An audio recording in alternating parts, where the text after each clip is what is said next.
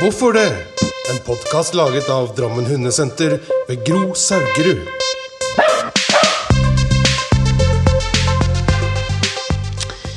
Ja, velkommen til en ny podkast. Og denne gangen så er det Morten Egtvedt eh, som er eh, gjest. Hei, Morten. Hei, Gro. Koselig. Nå er jeg spent på hvor, eh, hvor denne podkasten kommer til å ende i samtale og innhold. Ja, du, det er også Det er alltid litt skummelt å snakke uten, uten papirene foran seg. ja, det tror jeg vi har godt av, begge to. Jeg har jo et lite papir her. Jeg må innrømme at jeg sjekka ut om, om temaene var greie, og så har du egentlig advart meg mm, for at du svarer på ting som ikke blir spurt om, holdt jeg på å si. Du svarer på andre ting enn det som blir spurt. Kona sier at jeg har en uvane om å gjøre det, men vi får se. du er jo på telefon, så hvis det er litt, eh, litt um, dårligere lyd, så er det fordi du sitter i Trondheim, gjør du det? Eller hvor? Eh, eh, en gang til. Hvor, hvor, holder du til i verden i Norge? Det er helt 20 minutter sør på Trondheim. Ja. Så, så, da er du på telefon derfra, sånn at hvis, hvis, linje, eller hvis opptaket blir, bærer litt preg av det, så er det jo, er det jo nettopp derfor. Ja, um, at det går bra. Jeg har lyst til å si en ting før, uh, før, jeg slipper deg til, så du kan fortelle litt hvem du er. Du er absolutt ikke uh, ukjent i Hunde-Norge i det hele tatt. Men for noen så er du kanskje det. Men for meg så må jeg si at Jeg vet ikke hvor langt tilbake vi må, men du og Cecilie, dere er vel de som jeg liksom tenker er dere som virkelig tok tak i klikkertreningen her i Norge og, og gjorde det tilgjengelig og, og kjent. Det, da tar jeg i hvert fall ikke hardt i. Jeg, jeg, tror jeg kunne egentlig tatt litt hardere i, men, men, la oss starte der. Og så kan ikke du fortelle litt hvem, hvem du er? Uh, ja. Um, jeg fikk min første hund som 16-åring. Og kom ganske raskt inn i brukshundmiljøet og redningshundmiljøet. Det var det jeg gjorde stort sett eh, de første årene. Eh, så jeg var veldig heldig med den første hunden jeg fikk. Da. han var veldig lettrent og veldig tilgivende. ja. Selv om eh, jeg liksom ikke visste noen ting på den tida. Men det gikk ganske fort oppover i klassene. og Den bikkja ble godkjent eh, redningshund når vi kom til NM i bruks rimelig kjapt. Så det, så det, det var mest takket være bikkja, tror jeg. Men så, så, lærer man jo en del ting eh, underveis. da. Mm. Hva, hva, mm, si, hva lærte du? For at veien har jo vært veldig lang. Men, men når er det på en måte brekkpunktet kom, tenker du? I forhold til det, det, du egentlig sa at hun måtte, skulle være ganske tilgivelig. Eh, hvor, hvor kom brekkpunktet i treninga di? Si det. Um, jeg hadde litt sånn bakgrunn fra, fra læringspsykologi og sånne ting fra, fra universitetet. Uh, og så gikk jeg en instruktørutdannelse hos uh, Matre og Fjellanger i sin tid. Mm. Eh, og, og, da eh, da kom, da kom, jeg liksom enda mer inn på, på det her med la oss si, positiv trening. Da, kan si. Og med også litt mer sånn eh, atferdsanalytisk fundert trening. At istedenfor at man har det her eh, La oss si det hundebokfundamentet med alle de begrepene som vi finner i hundebøker. med sånn som de gamle dager med lederskap og alt det der, så, så lærte man en del nye måter å, å se på, på, hundetrening på, som gikk mer på eh, ja, begrep som forsterkning og stimuluskontroll og alle de læringspsykologiske begrepene. Mm. Og, så, og, ettersom jeg hadde lest litt av det her fra før, så, så tok jeg det ganske fort, tror jeg. Jeg så en del sammenhenger mellom hvordan det kunne brukes. Og, men det var først et par år etter det instruktørkurset da, da kom jeg over et par bøker om klikketrening av uh, Karen Pryor. Um, 'Don't Shoot the Dog' har kanskje mange hørt om, den boka der. Mm. og så var det en bok som het uh, 'Hund og delfin'. Som liksom forklarte hvordan hun trente delfiner i, i, sin tid, når hun var delfintrener.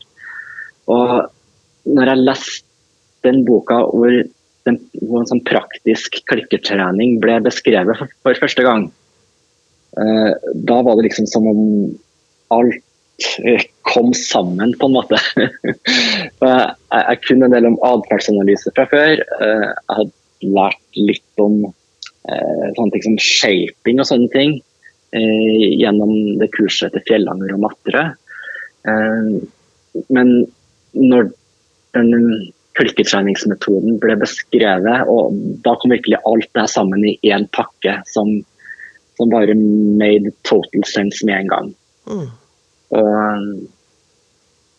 ja. Noe av det første det som kanskje var største aha-opplevelsen, var det her med at man, man kunne lære hunden å utføre en atferd altså såkalt frivillig først. Og så lærer man hunden å, å gjenta den atferden frivillig gang på gang på gang.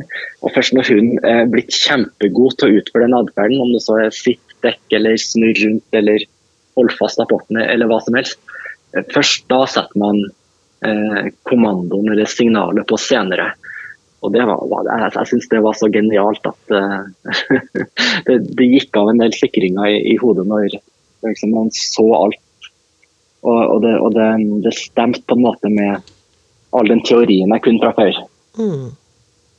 Så, og da var det et par veldig interessante år framover. fordi at selv om vi nå på en måte fikk en del prinsipper for hvordan man kunne klikkertrene ting, så, så, så, drev vi f.eks. og trente spor og rundering og konkurranselydighet og sånn. Og, og, det var kanskje ikke Karen Pryor sin sterke side, for å si det sånn. Mm. så, så, da, da var liksom utfordringa til, til, meg og Cecilie og andre som drev på med det her på den tida, at vi måtte prøve å bruke de her prinsippene og, og sette dem inn i den hundetreninga som vi gjorde til daglig. Mm. Og, og, det var interessant. Tror... Og det er for så vidt ting som eh, kanskje jaktfolk nå har gjort de, de siste årene også. mm. jeg, tror at, eh, jeg tror at eh, vi som har holdt på Altså, jeg starta ja, 1980, rundt der. Mm. Uh, og så jeg vet ikke hvor tidlig du var uh, inne på det med trening, men det var vel uh, 89, da, ja. da, begynte jeg. Ja, Men i hvert fall i det sjiktet der det var et, et såkalt paradigmeskifte, at det begynte å gå fra ja, hva skal vi på en måte like å kalle den, den tradisjonelle delen der hunder tilga oss kanskje mer enn vi fortjente av og til. Uh, og der mm. vi gjorde ting fordi det var sånn, det var sånn vi trodde det var. altså Du var ikke satt i noen systemer. Det var, det var helt, en helt annen verden. Uh, kunnskapen var ikke i nærheten av der den er nå. Um, forskning var ikke der. altså Det, var, det er en helt annen verden. Ja, den, den gangen vi starta, så, så, var det jo veldig mye det tror jeg veldig mye snakk om tradisjon. egentlig at så, Sånn trener man hunder. og sånn har man gjort det i, i, i hundeklubbene i, i, mange år, og, og, og sånn, sånn, gjøres det. Mm. Uten at Og så var det vel eh, Det er vel ikke sant at det ikke var noe teoretisk fundament, men det var litt annet teoretisk fundament. Eh, Jerverud var vel kanskje den som var eh, kanskje det viktigste teoretiske fundamentet på den tida. Stemmer det sånn som du husker det? Ja, og det var jo gjerne den læringsboka som disse bruksklubbene fordi det må man jo også huske ja. på at når vi, eh, når vi var unge, da på, på 80-tallet, 80 så, så, så, var det jo Punkt én, det var jo ikke noe internett. Altså, vi var jo liksom ikke der. Det var jo ikke noe å hente Nei. Det var jo knapt nok uh, TV, eller det var jo det, da. Men det var jo ikke noe, det var liksom ikke den verden. Det var ikke tilgjengelig i det hele tatt. Nei, det var, det var, bøker. Noen var, få mm, bøker. Noen få bøker. Og da var det jo Jerverud. Uh, jeg tror den mm. het Din hund. Ja, din hund og, og, din hund fortsetter, ikke minst. Ja, de... Så, så, da, Det var de bøkene jeg bygde min trening på de, de første årene jeg, jeg trente hund også. Mm. Og det funka jo, det funka jo, det også. Ja, ja, ja. ja. Og så, og så kom det jo ehm, Ble det jo tilgjengelig, eh, og, og det skjedde jo ekstremt mye i den, eh, i den tida. Og da var det jo Husker jeg når du henviste til Matre, altså Per Jostein Matre, han tror jeg veldig få kjenner til i dag eh, innenfor hund. Han, eh, Rune Fjellanger kjenner man jo bedre til i dag. Han er jo fortsatt aktiv eh, hundemann på Vestlandet. ja Eh, men men eh, Per Jostein Matre han tok jo inn Anders Hallgren sine prinsipper eh, på slutten av 80-tallet. Eh, med den litt mykere til, hva skal jeg si, tilnærminga til hund. Ja. Ja han, eh, han, Anders Hallgren han var jo han var jo forut for de fleste når det gjelder sånn belønningsbasert trening. Mm. Helt klart. Ja. Så, så det er mange sånne gamle navn som, som har vært viktige Ja, for denne utviklinga, og som har, har blitt eh, litt erstatta med nye. Men, men, men du og Cecilie tok jo tak i det her, eh, og jeg husker jo i hundeklubben som jeg eh, var veldig aktiv i, så, så var det jo denne klikkertreninga. det Man liksom spytta litt ut det klikker i greiene der.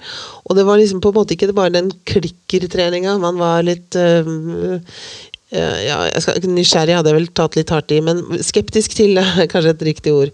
Det var den plastdingsen som, som også ble diskutert, hvorvidt liksom det, den der plastdingsen der var nødvendig. Kan ikke du prøve Altså, dere jo, du jo, dere lagde jo et sånt tidsskrift som het Kanis. Du driver jo en, en utdanningssenter i dag. Dere driver jo hundeskole, dere driver utdanning i dag innenfor Ja. disse prinsippene til, for fulle. Men dere var jo likevel de som eh, tok det inn, gjorde det kjent, bl.a. gjennom det tidsskriftet Kanis. Kan ikke du forklare litt, Ja. hva er egentlig klikkertrening? For det er jo fortsatt et begrep som, som brukes i dag, å være en klikkertrener, eller å klikkertrene en hund. Eller et dyr, da. Ja. Eh, ja det, Eh, når vi ga ut den første boka vår om klikkertrening, så, så tok vi og, og, og lista opp fire ting som vi tenkte at det, det her kjennetegner klikkertrening. Og det, det første det var at treninga hovedsakelig er basert på positiv forsterkning.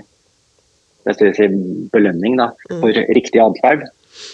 Um, punkt nummer to det var at um, vi bruker minst mulig hjelp i treninga i, i, i starten av innlæringa. Og, uh, Istedenfor å ta en godbit over hodet på hunden og lokke ned i sitt, så prøver vi heller bare å stå mest mulig rolig og vente til hunden frivillig tilbyr en, en sitt. For det gjør jo hunder ofte. Mm. Spesielt når vi står foran dem og de vet at vi har noen ting gjemt i lomma. Mm. Så, så, man kan få frem veldig mye atferd hos hunden bare ved å, å, å, fange den atferden eh, når hunden tilbyr den frivillig, og så bygger man videre på det. Mm. Så, det med frivillig atferd, det, det, det var en viktig del av klikkertreninga. Eh, tredje tingen det er det her med eh, selve den klikkerboksen. Så Måten den brukes på, det er at når akkurat idet hunden gjør det som vi ønsker å forsterke, så, så klikker vi presist. Og, og da gjør det ingenting om godbiten kommer ett eller to sekunder senere. Fordi at Ved hjelp av den lyden så har vi på en måte formidla til hunden at det var riktig, nå kommer belønninga snart. Mm. Um, man er ikke nødt til å bruke klikkeren nødvendigvis, men, men det som er viktig, det er at uh, klikkersending baserer seg på at man på en måte markerer riktig atferd ved hjelp av en såkalt markør. Og den markøren det kan være denne klikkerboksen. Uh, delfintrenere de bruker jo sånn overlydsfløyte og sånne ting. Eller fløyte. Mm. Uh, ja. Så kan man grave seg dypere ned i kan- kaninhullet der, men det skal nå skal jeg stoppe med det her første omgang. og det, det fjerde, fjerde kjennetegnet det er at klikkertrening baserer seg på, eh, på et fagfelt som heter for atferdsanalyse. At det er liksom det teoretiske grunnlaget for klikkertrening der f.eks. en bok som eh, eh, din, din hund fortsetter og Jerverud osv. Det, det var litt la oss si, litt mer sånn etologisk tilnærming. Der man, der man har en del andre begreper som, som er mer henta fra la oss si, etologien. Mm. Eh, der, der kan man snakke om eh, drifter og, og sånne ting, f.eks. Drifter og terskelnivå og sånn. Det var sånne begrep som man fantes i den boka. Mens innenfor atferdsanalysen snakker man f.eks. om eh, positiv forsterkning, negativ forsterkning, eh, stimuluskontroll og så det er et annet begrepsapparat. Mm. Nå skal jeg ta liksom litt tilbake i min verden, da, som består Ja. av helt vanlige hundeeiere. Og din verden, som består av nerd... Nei, de, de, jeg, jeg har jo akkurat nå deltatt ett år på, på ditt eh, instruktørkurs. Jeg skal bli med et år til, eh, og, og det er jo um, Ja. Det er jo folk som er ekstremt interessert i, um, i hundetrening, vil jeg si, som, som er, er der. Og så er liksom kunsten å formidle det enklere, og formidle det til den vanlige hundeeieren som, som på en måte Det, det er veldig dårlig til. ja, det, det er det er egentlig utrolig så lite vanlige hundeeiere jeg omgås eh, til daglig. Så jeg er utrolig privilegert som får, jobbe til daglig med de som er aller mest ja, aller mest nerdete når det gjelder hundetrening. Så det, Men det som er viktig, det er en litt spesiell verden. Ja, ja, åpenbart. Men, men jeg tenker det som er viktig, er jo at når vi som underviser, vi må jo kunne dette, tenker jeg da. Vi, vi må ha tilegnet oss det her. Vi må ha en forståelse. Og vår utfordring er jo da å gjøre det om til et daglig en dagligtale som gjør at de som ikke er interessert i hund på samme måte, at de forstår prinsippene. Fordi jeg tenker jo at liksom uansett hva du skal lære hunden, så er læringsprinsippene de samme. Du kan på en måte ikke hoppe bukk over så veldig mye. Du, du må ha på en måte det samme, samme fundamentet da, i, i hunden om du skal lære den ja, det, det spiller jo egentlig ingen rolle om det er avansert lydighet eller en daglig hverdagsdressur. For det er akkurat det samme som, som spiller Ja. Det, det som er felles, det er at eh, sånn som jeg ser på verden, så, så det er det som er felles for både om det så er konkurranselydighetsatferd eller en atferden til en familiehund, eller egentlig vår egen atferd som mennesker, det er at eh, atferden blir selektert av miljøet rundt oss. Det er liksom det over det, det grunnleggende prinsippet for, for hvorfor vi får den atferden og ikke den andre atferden. Hvis, hvis man ser en atferd enten hos hunden eller seg sjøl, så er det fordi at den atferden på en eller annen måte har blitt selektert av miljøet. Eller den har lønt seg på en eller annen måte. Ja, ikke sant? for å si det litt, litt enkelt. Eller ikke lønt seg. Men da syns den kanskje ikke lenger. Altså hvis um, man, man fortsetter å gjøre ting, eller slutter å gjøre ting. Er det, Ja, det, det, det er alltid en eller annen atferd som lønner seg på en måte, eller som, som gir en eller annen form for resultat som gjør at den blir mer, mer sannsynlig. Mm, mm. Ja, for det, det er jo en, en utfordring er jo å få den vanlige hundeeieren til å tilegne seg så mye kunnskap. I og for seg på Ja. det nivået som du underviser, da, men allikevel på et mer folkelig, folkelig måte. Um, Ja. Sånn at den er i stand til å trene hunden. Det, det er en utfordring. Når, når det gjelder å undervise la, la, oss si, la oss si vanlige dødelige hundeeiere, så, så er jo du som er eksperten og det, er Gro.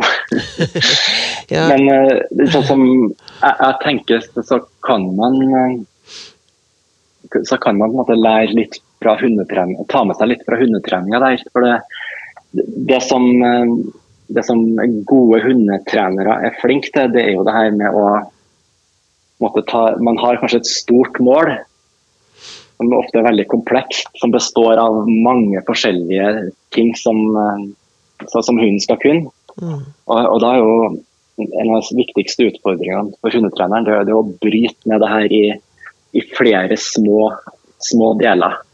Og så lærer man den mest grunnleggende delen først, og så tar man neste del, og så etter hvert så kan man sette sammen flere deler til, til en helhet. Mm.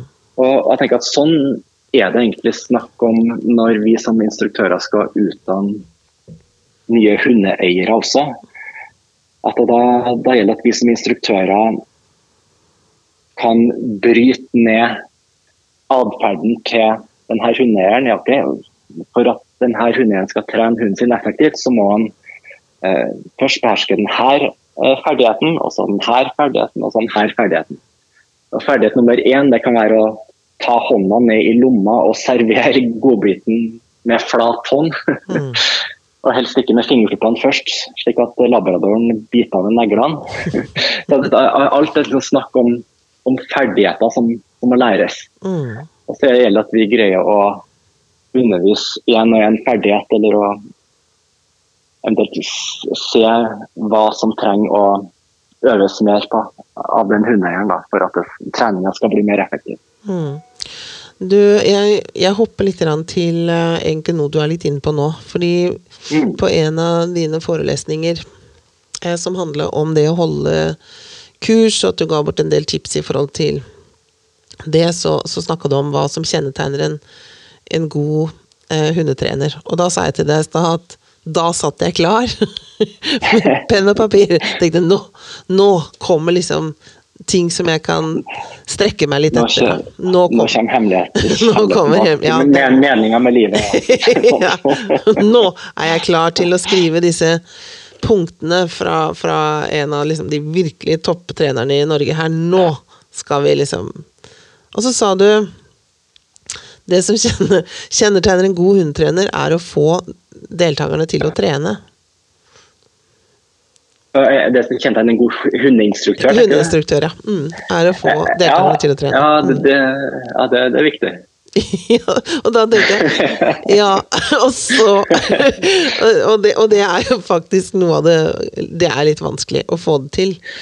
Um, ja. ja det, så det, det, det jo en av de tingene en, en viktig ferdighet å lære på valpekurs, det er jo bare det å ta med godbiter ut på tur hver dag. Mm. Eller ta, ta, med, ta, med, en favorittleksak og ha i lomma. Mm. For når, Hvis du i hvert fall har med belønning ut på tur, så øker sjansen for at, at, at det skjer noe treningsaktig i løpet av den turen. Mm. Og der, Vi kommer dit også, men, men, ja. men, det er om har, har du de gode rådene nå? Hvordan, hvordan skal man få hvordan skal man få deltakerne til å, til å, trene så mye, eller hva skal jeg si, så kvalitetsmessig, som, som gjør at dette jeg, jeg, jeg, tror ikke det er realistisk å få 90 eh, av hundeeiere til å trene så mye som de i anførselstegn bør gjøre. Jeg, jeg, tror det er totalt urealistisk. Mm. Eh, men det som er merkelig, det er at det går jo som regel bra likevel. Ja, gjør det ikke det? Det gjør jo det. Det er ikke, mm. det er ikke, så mange av de hundene som blir kjøpt som blir omplassert. Det er jo en del, selvfølgelig, men det, det, går jo som regel rimelig bra. og det Hunder de, de er ganske tilgivende, kanskje spesielt de her typiske familiehundene som, som heldigvis folk flest kjøper da, når de ikke er ute etter noe spesielt. Ja, altså greia er at Hunder er jo tilpasningsdyktige, men det er jo det er det. mennesker også. Mennesker er ekstremt tilpasningsdyktige. Ja, ikke sant. Og, og, Så, uh, og det, det, må jeg bare si uten å avbryte deg altfor hardt og brutalt her, men det er jo at når man har en hund som kanskje har vært ganske aktiv, og den har hatt vanskeligheter med å møte andre hunder på tur Ikke at den blir sur eller dum mot andre hunder, men den er bare Ja, den blir liksom Tar litt av i, i uh, eh, nysgjerrighet og glede, og den, den, den, er litt aktiv. Og så spør man ja. de når man møter igjen hvordan går det nå, går det, går det bra? Ja, det går kjempefint. Så tenker jeg i mitt stille sinn um, hvordan, kan, hvordan, kan, det gå kjempefint med tanke på utgangspunktet? Altså, hvordan, hva har du gjort da? Og det de ofte gjør, er at de går ikke lenger Nei da, men vi går ikke der, siden vi, vi, går, vi, går, ikke der det er så mye hunder. Det blir så vilt der, da, vet du. Så vi går i skauen, vi, og koser oss der, eller Nei da, vi, vi er ikke i byen. Men, men, men er, er, ikke det egentlig litt fantastisk at, eh, at de har funnet den løsninga sjøl, uten at vi som instruktører nødvendigvis trengte å, å tre våre idealer ned over ørene på dem? Mm. Men der går jo også den tilpasningsdyktigheten, at de syns det går kjempebra. Uh, og, så, og, så, kommer de kanskje tilbake, kanskje vi skal ta et kurs til, og så de, kommer de på kurs, og så er hunden helt uh, coco bananas uh, på kurset. Og, og så, for da er de jo plutselig tilbake igjen til åtte andre hunder eller, eller masse folk innendørs, ja. så er de litt tilbake ja. igjen til der det er. Så, sånn at vi, vi, tilpasser oss, det gjør sikkert vi også, tilpasser oss hundene. Og så går det på ja, sett og vis bra, til tross for at man man ikke trener så mye da. Men spørsmålet er altså, hvor mye trening kreves egentlig for å få til en, en vanlig familiehund? Altså, hva, hva, tenker man at man skal legge ned i tid? Hva tenker du om det? Det, det, det er jo det som kan Det, det er ikke noe standardsvar på det heller, tenker jeg. fordi at eh, hvis, uh, hvis man er heldig og har kjøpt en, måte, en, en, la oss si, en ideell familiehund, og, og den får nok tur og være sammen med familien og får mat og mosjon og sånn, så nesten Og de har hunden i bånd eh, når de går på tur. Det, det, er ikke nødvendigvis så voldsomt mye trening som kreves av en sånn hund. For at den, eh, den skal fungere i hverdagen sammen med den familien.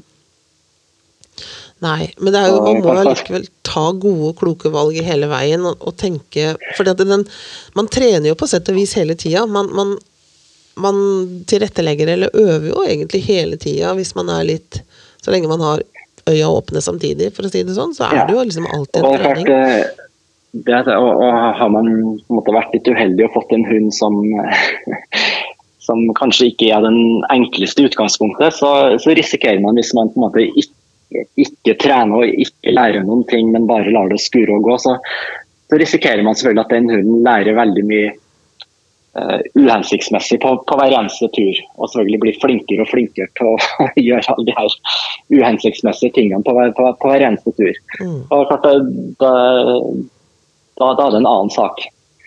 Men det er sånn også viktig for oss som instruktører å huske at som regel så går det, går det greit. Mm. Så lenge folk har kjøpt en hund som eh, som er på en måte tilpassa det her vanlige familielivet. Mm. Ja, da, jeg er helt enig med deg i det. Altså, det så, så det, jeg tror det er litt sånn at uh, vi instruktører kan noen gang gjøre gjør kurselevene våre en sånn bjørnetjeneste ved at, ved at vi på en måte prøver å tre våre standarder over ørene på dem. Og så glemmer vi at vi tilhører de, de 5 aller mest gærne hundeeierne som, som, som, som, trener hund hele tida. Det er liksom det viktigste, viktigste, vi gjør. Men alle er ikke der, og det, det er også viktig å huske på. Mm, mm. At man Det er sånn greit å ta utgangspunkt i hva trenger den enkelte hundeeieren og ofte så trenger de utrolig lite. De trenger kanskje bare å komme på kurs, og høre at uh, de har en fin hund. Og det, det, kan de leve veldig lenge på. og De kan gå på tur hver dag og vite at de har verdens beste hund, og, det har de sannsynligvis til, til sitt bruk. Ja, jeg sitter og tenker på kanskje, kanskje jeg er en av de synderne som lager kursene nå så kompliserte at, at Litt too much. da, da jeg sannsynligvis i samme båt her også. ja. ja. men uh, Hva sa du, Martin? Det, men det, det, det, er derfor jeg har innretta livet mitt sånn at jeg holder kurs for de, for de gærneste hundeeierne. Det de, som, ja. de, de som, som, gjerne vil trene hund hele døgnet. Mm. Ja. Men, men, du, vi snakka litt om uh, For noe som er veldig aktuelt nå, nå vil jeg tro at denne podkasten her lever litt lenger enn en akkurat uh, mai 2022. sånn at hvis man hører på den om lenge, så er det kanskje ikke så aktuelt lenger. Men akkurat nå så har det kommet uh, en ny hundelov. Og nå skal vi ikke snakke om det juridiske i det. Men, ja, um, men, men, der er det to punkter som, som jeg har festa meg ved. og du, Jeg tenker vi skal, vi skal, ta det ene, og så får vi se om vi havner i det andre etterpå. Det ene er mm. å forebygge at hunder blir satt i situasjoner som, der den kan gjøre skade. Og det andre er, som jeg tenkte vi skulle snakke litt om, det er at hundeeier uh, må nå skaffe seg den nødvendige kompetansen som handler om hundens behov, trening av hund og hundens naturlige atferd og bruksområde. Eh, Så nå stilles det enda større krav til hundeeieren og kompetansenivået som, som den må ha. Eh, Noe mer enn det har jeg ikke lest, jeg har ikke gått mer i dybden av det, men, men hvilke, hvilke, jeg si, hvilken kompetanse er det viktig, sånn som du ser da, at en hundeeier har? Hva, hva må man vite om f.eks. Eh, trening av en hund? Jeg er litt usikker på hvor mye hundeeiere egentlig trenger å vite om hundetrening, for å være veldig ærlig. Mm. Uh, hunder trenger en viss grad av mosjon tilpassa uh, rasen individet. Den trenger ordentlig mat og stell. Den trenger å være sammen med familien et visst antall timer i døgnet. Mm. Og da har de fleste hunder det ganske bra, tror jeg. Mm. Så, så jeg, jeg kjenner det, det kan være eh, litt mer antiautoritære personligheter mi som, som snakker nå, men jeg kjenner at kanskje har eh, Jeg jeg kjenner litt sånn motstand mot eh, altfor mye sånn byråkratiske regler som for, for å regulere hundeholdet på den måten. Altså, jeg ser selvfølgelig behovet for det, men vi skal være litt forsiktige for at det ikke blir eh, for mye regler, men som kanskje det ikke er bruk for. Jeg tror faktisk at de aller fleste hunder her i landet de har det, de har det rimelig greit. Mm. Det Spesielt, spesielt når man sammenligner med man løfter blikket litt og ser hvordan eh, hunder behandles andre steder i verden. for å si det sånn. mm. Så, så skal man selvfølgelig Alt er selvfølgelig ikke ideelt, og det, det er ikke alle, alle hunder som har det bra. Men, men sånn mer byråkrati enn nødvendig, det, det er jeg sånn generelt ikke noe stor tilhenger av. Nei. Eh, Du snakka litt om, om eh, hundens behov. Du var nesten mer inn på det enn en krav til hva en eier må kunne eh, om trening, trening av hund. Og, og vi er vel enige om det at hunder i Norge, eller dyr i Norge, har det vel generelt ganske, ganske bra, hvis man, som du sier, løfter De blikket og ser. det har det fantastisk bra. mm, utover, utover i verden. Så, så vi har Dyra våre har det bra. Men hvis man da snakker litt videre da, om at hvis man stiller da krav til kompetanse, så må den kompetansen i så fall hentes et sted fra.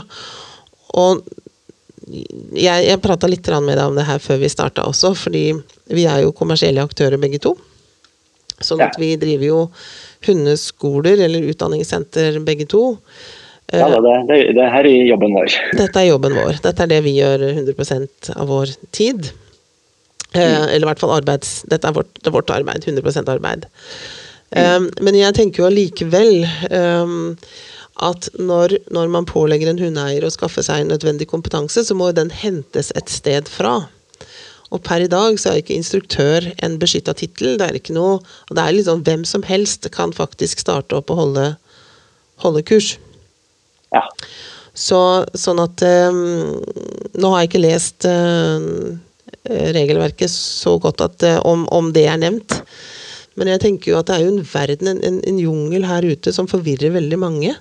Som kommer på kurs her, i hvert fall. Og de leser, de ser på YouTube, de, de leser på nett, de leser bøker, de hører med ulike eksperter. Det kan være alt fra nabo til foreldre som har hatt hund, hund eller svigerforeldre eller venner. Eller, det er liksom mange eksperter der ute, da. Og, og så blir de forvirra. hva, hva er det som er rett? Og vi er fortsatt det må jeg si, Morten, vi er fortsatt i en verden innen hundetrening der man ikke er enige om man skal liksom kjøre belønningsbasert og, og kjøre det i en så øh, overordna form som mulig. Eller liksom det som man kaller for tradisjon. Vi er jo ikke enige, og dermed vil jo rådene også øh, gå i, i forskjellige retninger. At ja, men du, du må bare gjøre sånn, for det funka for meg, eller du må aldri gjøre sånn, for det Ikke sant? Ja, ja. Men uh, må, må vi nødvendigvis være enige alle sammen? da? Og er det verdens undergang om en hundeeier er litt forvirra? jeg, jeg ser med det hvilke andre områder i, i sivilisasjonen er mennesker enige om alt. ja, godt poeng. Det er godt poeng. Mm. Så, og hvis du ser på eh, jeg, jeg får liksom ofte henvendelser fra en eller annen organisasjon som ønsker å formulere sånne krav til diverse hundeutdannelser og sånne ting. Og, men jeg, jeg, kjenner litt her også at hvor stort er egentlig behovet for, for økte, økte, reguleringer her også? Eh, hvis du ser på f.eks. coachingmarkedet for mennesker, så er ikke det noe, noe mindre, mindre, variert sammenlignet med f.eks. hundeskoler og sånne ting. Så Nei, det ikke så det med, med, variasjon i tilbud og faren for å komme over forskjellige råd og bli forvirra, det, det, tror jeg jeg heller bare skal ses på som en sånn naturlig del av den menneskelige til, tilværelsen. Det, det, er ikke noe som man kan på en måte byråkratisere seg vekk fra. Man kan heller se på det her med mangfoldig tilbud som en som en bra ting også. Nå har eh, Gjennom internett så har jo alle folk har muligheten til å eh, til å få oversikt og kunnskap fra alle mulige kanaler. Og de har muligheten til å gjøre opp sin egen mening om det, det de leser. Og så tenker jeg at eh, etter hvert så vil det som fungerer best, det vil bli selektert ut. Det er det det er kapitalisme i sin beste form. mm. Og eh, Så jeg ser ikke nødvendigvis noe problem med det. Nei, for... jeg, jeg, jeg, jeg, kjenner at jeg, har ikke noe lyst til å, å bidra til å måte, fortelle andre hundeskoler at dere må trene på måten her. og Det skal ikke være lov å Selvfølgelig er det en, en del praksiser som som man, som man ikke som, som selvfølgelig, selvfølgelig, bør gå under, under, dyrevelferdsloven i 2022. Men um, det er mer sånn grensetilfellene vi snakker om, vil jeg tro, i det store, store og det hele. Mm. Så eh, det er veldig få sånn, profesjonelle hundeskoler som, som jeg, jeg, tenker på i dag, som, som driver på, på, en måte som er sånn veldig uforsvarlig. De, de, driver kanskje på en helt annen måte enn jeg ville ha trent, men jeg, jeg, tenker at i det store og det hele så er ikke det her noe sånn alvorlig velferdsproblem for hundene. Nei, for, mm, jeg, jeg, er helt enig med deg, selvfølgelig. Det er ikke det. Men, men, jeg tror at veldig mange, særlig når du ikke har hatt hund før, så er man veldig søken etter en, en type sannhet for man på en måte vil gjerne gjøre det riktig. Man vil jo at hunden skal ha det bra. Eh, man vil ha effektivitet i treninga si. Og, og veldig ofte når, når, de fremlegger denne problemstillinga for meg, når de sier hva jeg skal gjøre, så handler det egentlig ikke om variabler på Alltid på den hyggelige delen av det, da. Det handler mye om bestraffninger, for det handler jo også veldig mye om hvordan de skal få slutt på ting. Det er det de gjerne vil vite. Ja. Hvordan, skal slutt, hvordan, skal valpen slutte å bite? Den biter meg så veldig. Uh, hvordan skal jeg få den til å slutte med det? Sånn at, uh, det er klart at hvis, hvis de kommer på kurs til, til, til deg eller, eller, meg, så vil de jo lære andre måter å, å fokusere på, på, på Da vil vi ha større fokus på å, å lære hunden ferdigheter og lære hunden hva den skal gjøre, slik at, man, slik at sånne ting reduseres av seg sjøl. Men mm. øh, det, så, Ja, for det er men, uh, ja. ja. det er, um, det er liksom den, den virkeligheten um, her nede, da, på, på grasrota, den er Den handler nok veldig mye om hvilken vei de skal ta.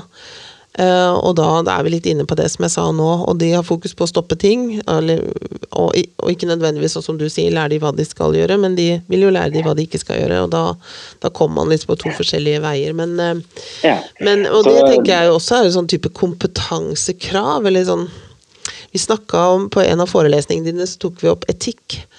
Etikk i dyretrening, og jeg er ekstremt opptatt av det. Og så ble jeg liksom sittende og tenke litt etter, etter det foredraget.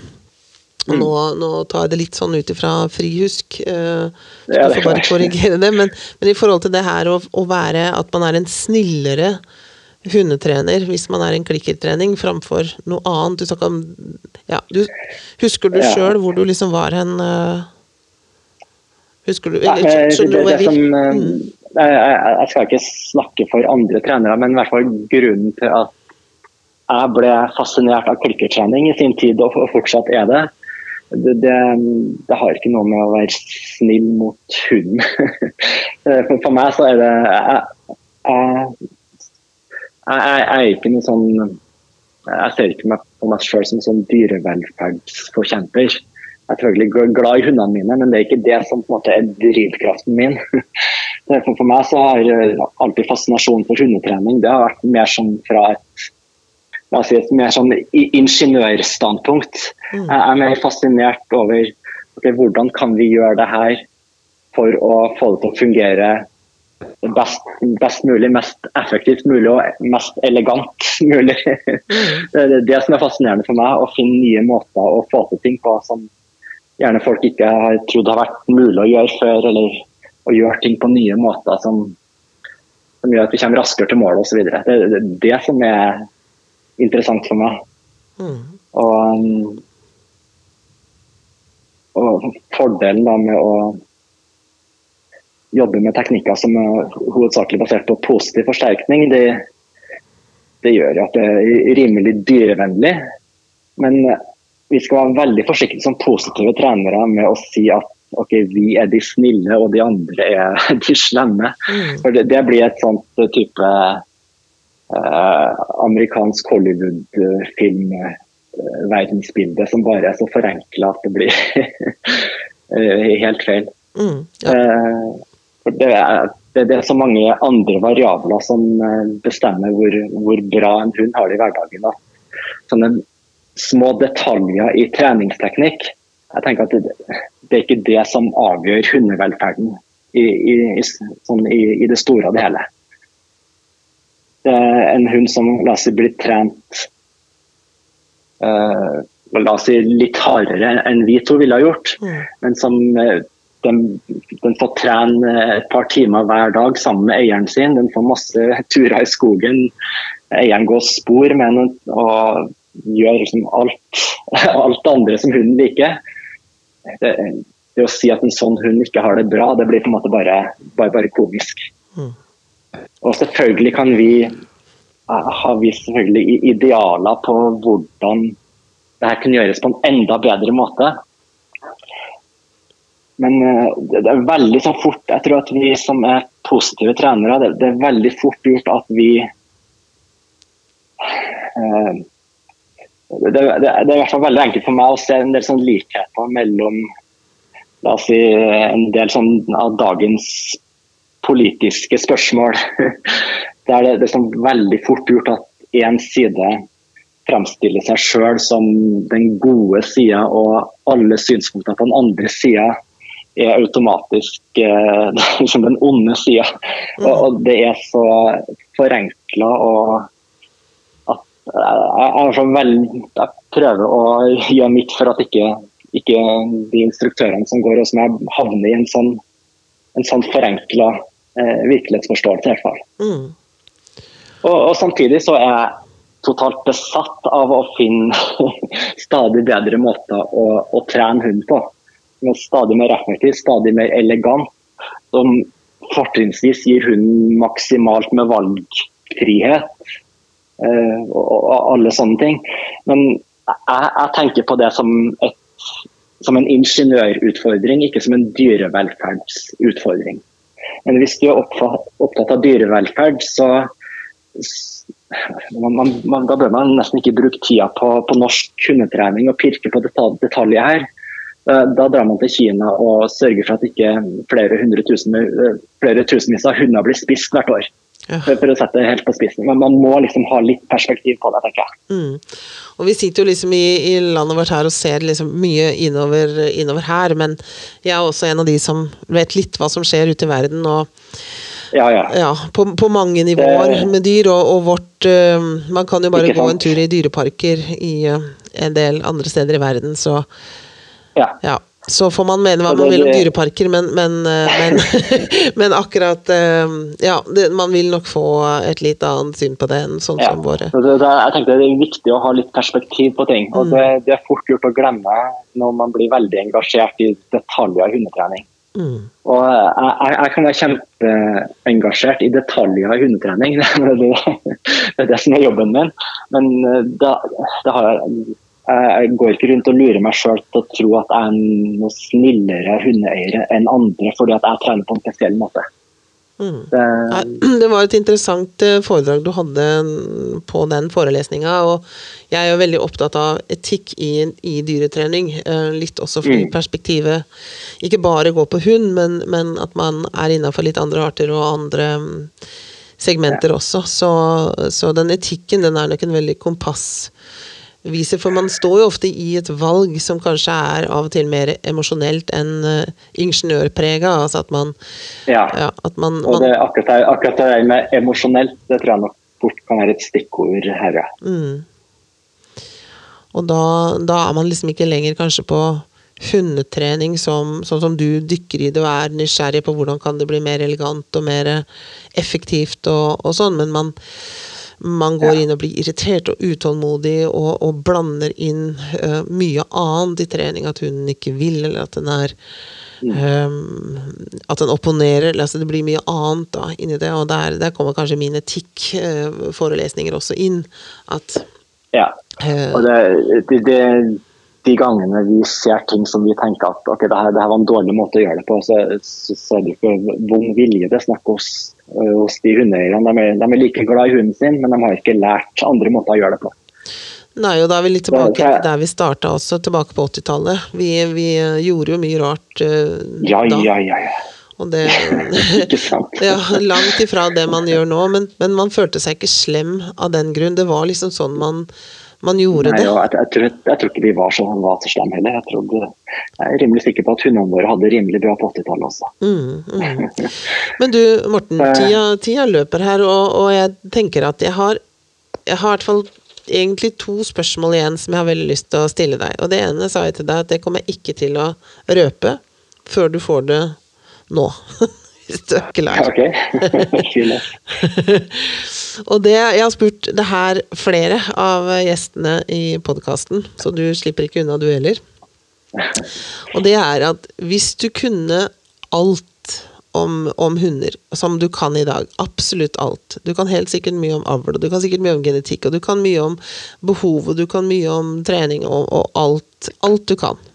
Men vi fjerner alt du kan om belønninger. Hvordan ville okay. ja. Hvordan ville det sett ut da?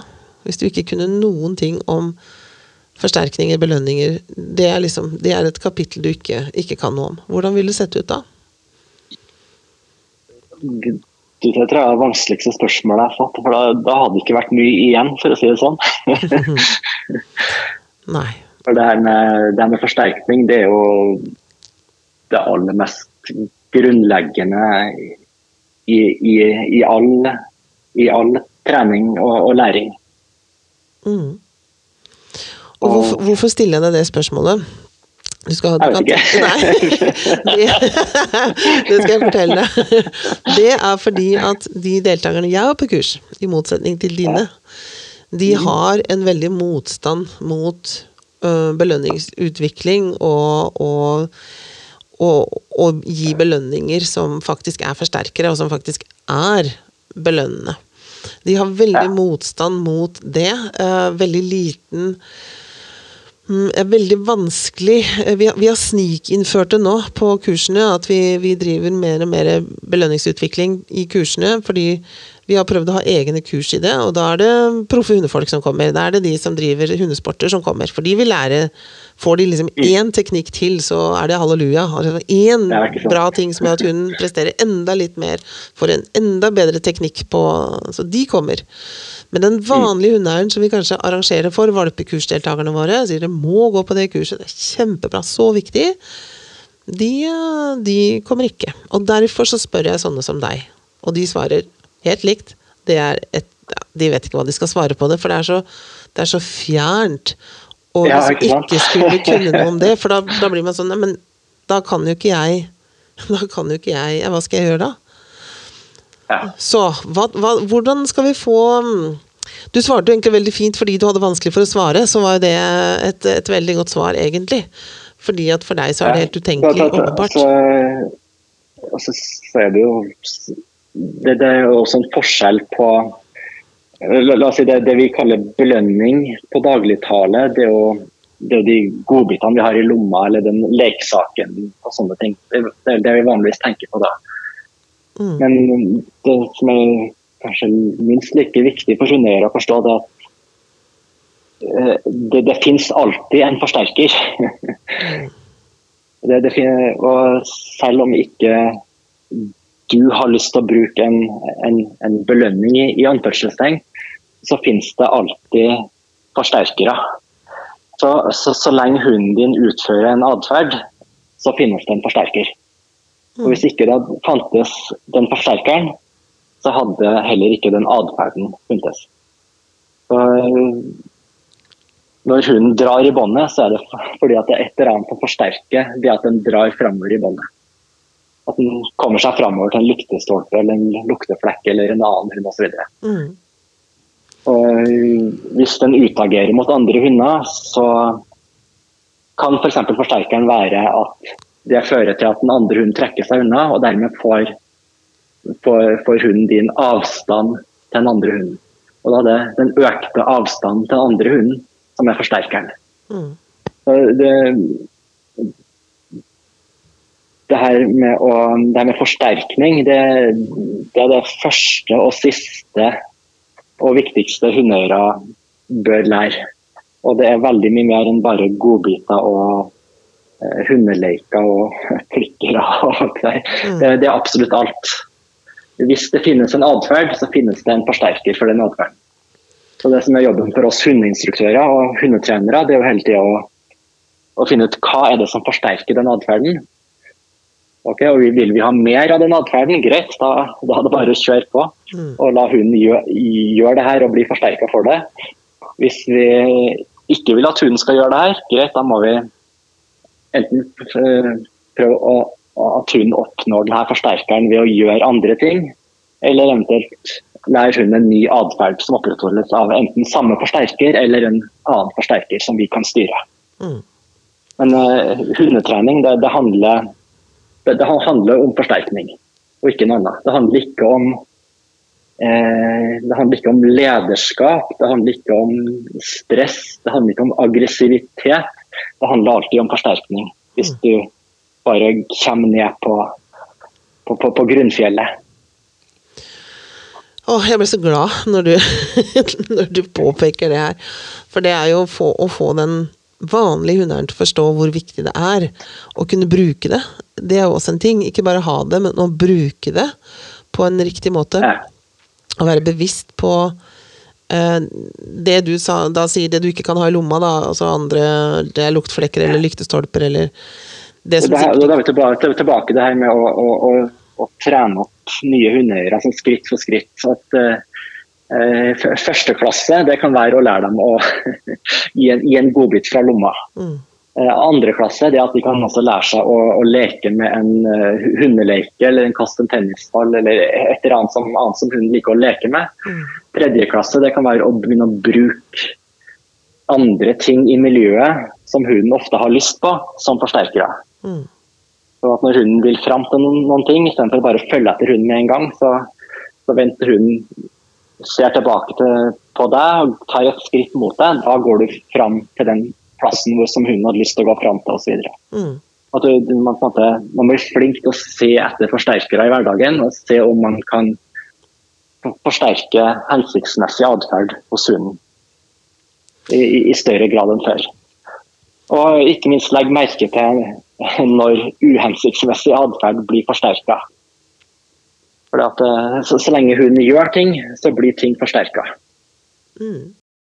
Jeg kan jo bare si Vi fikk litt problemer med lyden her, så da er vi tilbake igjen. Men uh, vi prater litt spontant begge to. Vi har jo ikke noe manus, så det er å huske hvor vi var. Nei, det, her, det, her er, det, her, er, fri flyt. men, men liksom, det er ikke for å disse eller liksom gjøre, noe, gjøre den vanlige hundeeieren liksom, til noe, noe dumme, dumme folk. Men det er at når du aldri har gjort noe før, så er det veldig vanskelig å, å, å å forstå hvor viktig det er. Altså, vi har gjort dette her i 30-40 år. Sånn at man, man, har jo på en måte eh, mørna og eltes inn i dette her og fått erfaring og se hvor viktig det er, og så skal man overbevise noen om at uh, det her er noe av det viktigste fundamentet du kan bygge, eller den viktigste kunnskapen du kan ha, det er å forstå forsterknings... Eller altså læringsteoriene. Da. Hvordan Sånn som du sier, altså når hunden gjør noe, så er det fordi det blir forsterka på et eller annet vis. Mm. Og det er jo veldig mye ubevisst rundt det, fordi at man ofte vil hunden sin godt. Uh, og den vil bort og lukte, og da må jeg følge etter. 'Å, du var tørst, jeg må løpe etter, og du får drikke vann i bekken.' Eller 'Å, den er så glad i hunder, så jeg Å, nå fikk du hilst.' Og så, og så blir vi belønna litt, for hunden roer seg etterpå. Så når den har fått hilst, så ror den seg. Da blir det lettere for meg. Mm. Og det er ofte den vanlige Eller, eller kanskje at hunden, hun gjør noe som vi syns er plagsomt, og så straffer man hunden. Mm. Og da blir ofte hunden da, da, slutter hunden å gjøre det den gjorde der og da. Og det som skjer da, selvfølgelig at vår straffeatferd blir forsterka. Sånn det er ofte grunnen til at, at uh, ting som kanskje grenser mot dyremishandling kan skje av og til. For det starter med at straffeatferd blir forsterka, og så blir, så blir det shapa sterkere og sterkere etter hvert. Mm. Og, det er mange, mange mekanismer som, som, trår i kraft, og man skal nå gjennom på et, et kurs. fordi at eh, nå har jeg litt forskjellige typer kurs, eh, både litt kortere og litt lengre, lengre kurs. Og selvfølgelig, når vi får lov å jobbe lenge med en ekvipasje, så blir det mye, mye bedre. Men det er veldig mange som som um, er kanskje mer motivert av å kjøpe hunden enn å bruke masse tid på å lære hunden uh, ting. Um, så det er liksom misforhold mellom, mellom hvordan de ønsker For alle har store ambisjoner med hundene sine. Altså, jeg er coach som, som bakgrunn også, så, um, og da er jo et av spørsmålene hvordan ser ditt hundehold ut om ett år fra nå? For at du kan lede deg mm. tilbake og være fornøyd og si 'nå har jeg fått en hund som jeg ønsker meg'. Og da, da kommer det opp en haug med ting, og, og, ganske kompliserte ting. Og en av topptingene er jo jeg skal ha en hund som kommer ned og roper, og så skal jeg ha en hund som går fint i bånd. Og det er vel kanskje noe av de to vanskeligste tingene å trene inn på, på, en hund, særlig hvis den da mangler det fundamentale i bånd. Altså man, man har ikke Ja, jeg, jeg, jeg, tar bare én av, en av de tingene på min egen hund. ja. Hva velger du? ja, det er definitivt innkallinga. ja.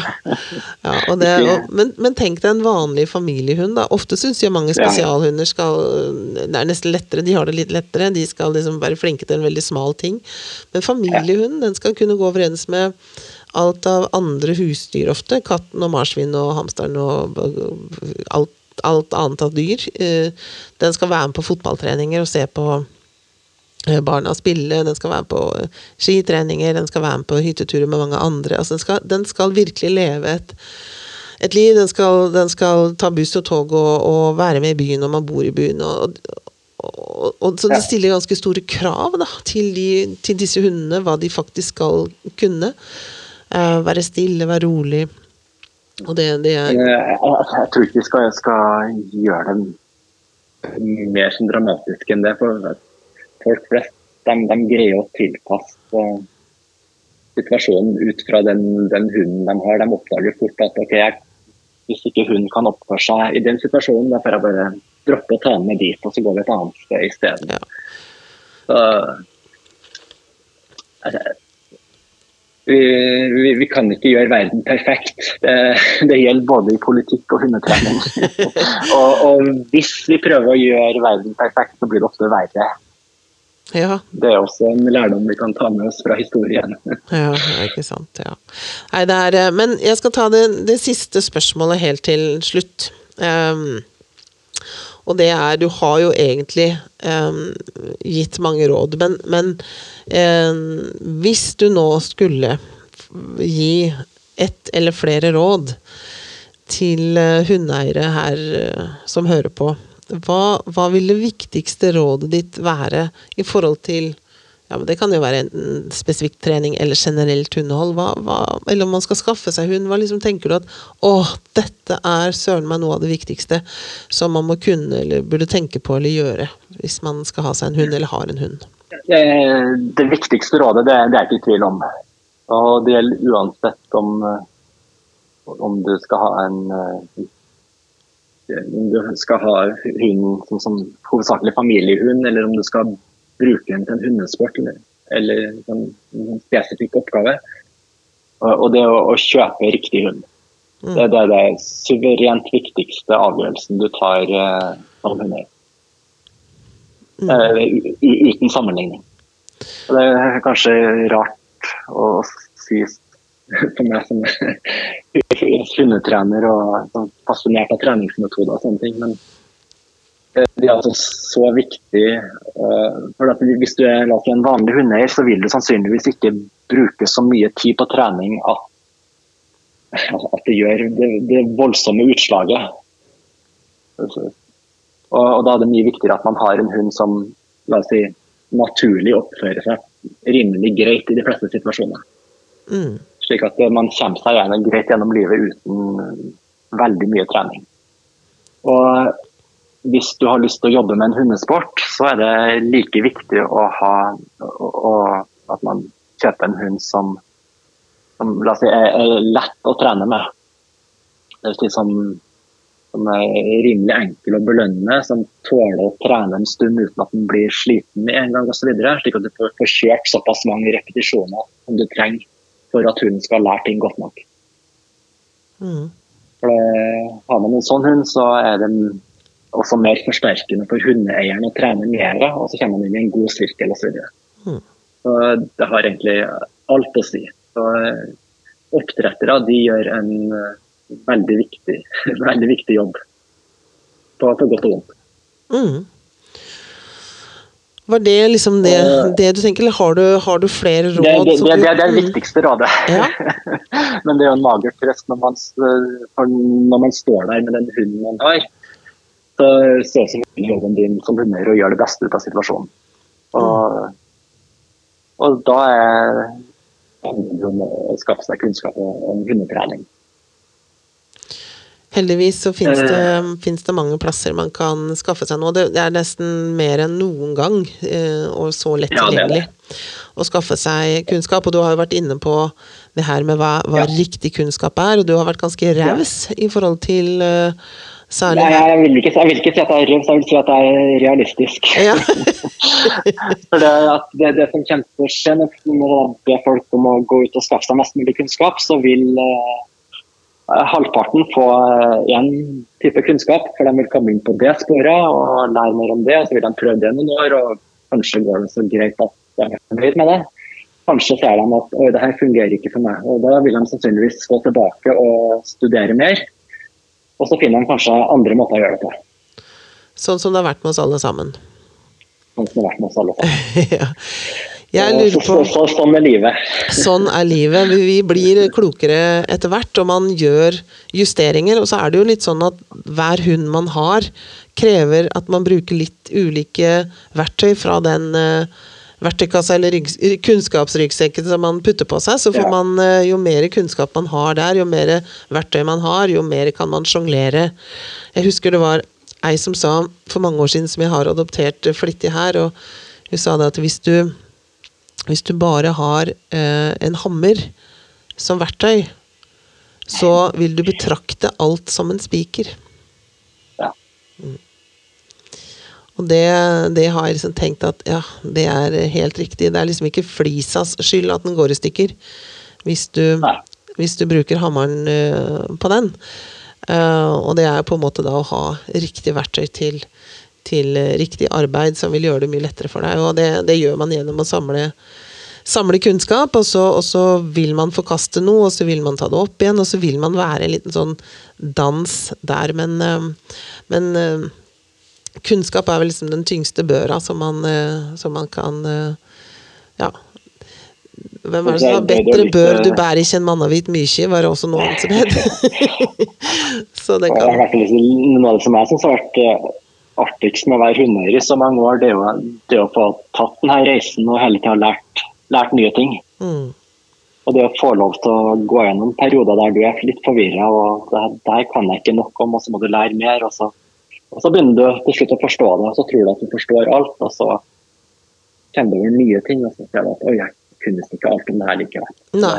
Og der er jeg nå etter ett år på Kanis uh, hundetrenerskole. Det er, det er Plutselig har jeg møtt Morten Egtvedts nerdeverden, og da var det, var det en del ting som var greit å, å fordype seg litt mer i. Fordi det, det er alltid liksom en blåne bak. eh, Det er alltid noe mer. Og det, Ja, det, og det, så, er, det, er, det, er for meg også. Så. Mm. Og det er spennende folk som man har med seg som medstudenter også, som bringer fram ting og problemstillinger man ikke har stått Ja. i. Og, og så er det litt kundegruppa man vanligvis jobber med også, som gjør at man blir utfordra på ulike områder. Så jeg skal i hvert fall aldri slutte å utdanne meg. Det er eh, Kunnskap er ferskvare. og og, um, så du må bare stå på videre, Morten, og utdanne flere Ja, som, eh, det- som oss. ja, vi får bare prøve å sette avtrykk i, i verden her, i hvert fall, og, og i hundeverden, og så, og så gjøre, gjøre så godt vi kan, og, og spre, spre budskapet. Og eh, jeg vil takke deg for eh, tida du har brukt eh, i, i podkasten, og så håper jeg vi kan ta en, en prat igjen en annen dag også. Det, det kan sikkert la seg ordne, Gro. Ja, takk for det. Takk for praten. Hvorfor det? En podkast laget av Drammen Hundesenter ved Gro Saugerud.